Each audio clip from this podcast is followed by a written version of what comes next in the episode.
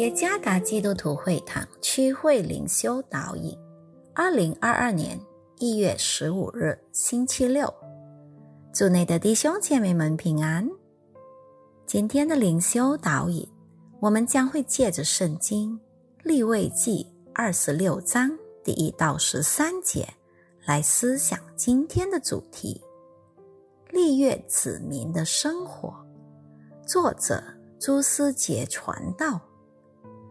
立位记二十六章第一节：你们不可做什么虚无的神像，不可立雕刻的偶像或是柱像，也不可在你们的地上安什么赞成的石像，向他跪拜，因为我是耶和华你们的神。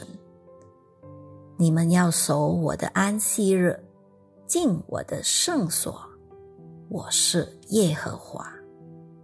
你们若遵行我的律例，谨守我的诫命，我就给你们降下时雨，叫地深处土产，田野的树木结果子。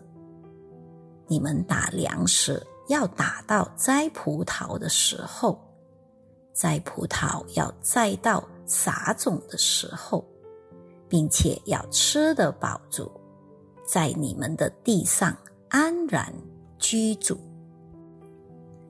我要赐平安在你们的地上，你们躺卧无人惊吓。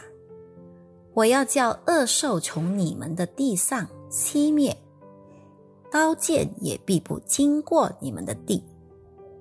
你们要追赶仇敌。他们必倒在你们刀下。你们五个人要追赶一百人，一百人要追赶一万人，仇敌必倒在你们刀下。我要眷顾你们，使你们生养众多，也要与你们坚定所立的约。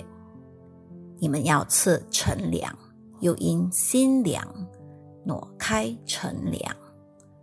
我要在你们中间立我的帐幕，我的心也不厌恶你们。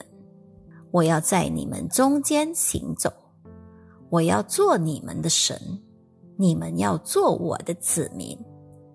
我是耶和华你们的神，曾将你们从埃及地领出来，使你们不做埃及人的奴仆。我也折断你们所负的恶。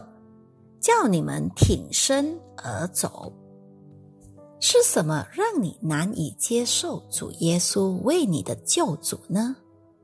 我问了一个我已长期向他传福音的年轻人，并曾挑战他接受主耶稣。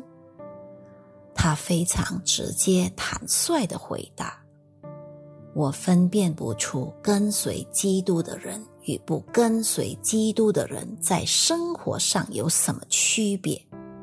甚至我的一些基督徒亲戚不能成为我的好榜样。听了他的告白，我既震惊又尴尬。那实在是一针见血的评论。许多人难以接受耶稣，是因为跟随基督的基督徒。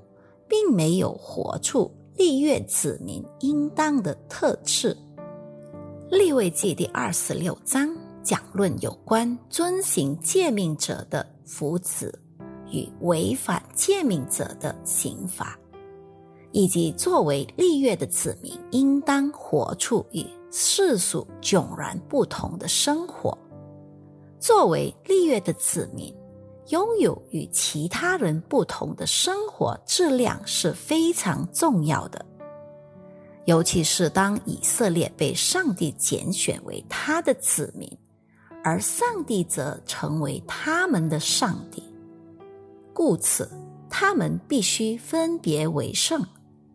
他们良好与真实的生活质量，将会使周遭的外邦人对他们的上帝。和他们所遵行的真理而感到新奇，这样许多人就会借此认识并赞美上帝。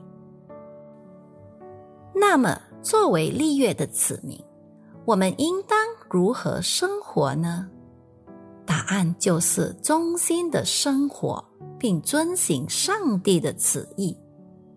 失去顺服，我们基督徒生活不会对他人产生影响。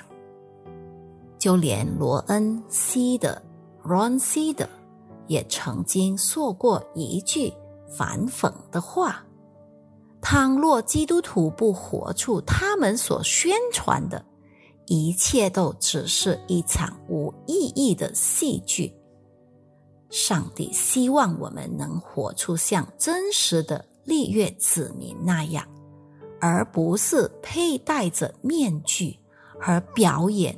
戏剧来成为上帝的跟随者，你们的光也当这样照在人前，叫他们看见你们的好行为，便将荣耀归给你们在天上的父。马太福音第五章十六节。愿上帝赐福于大家。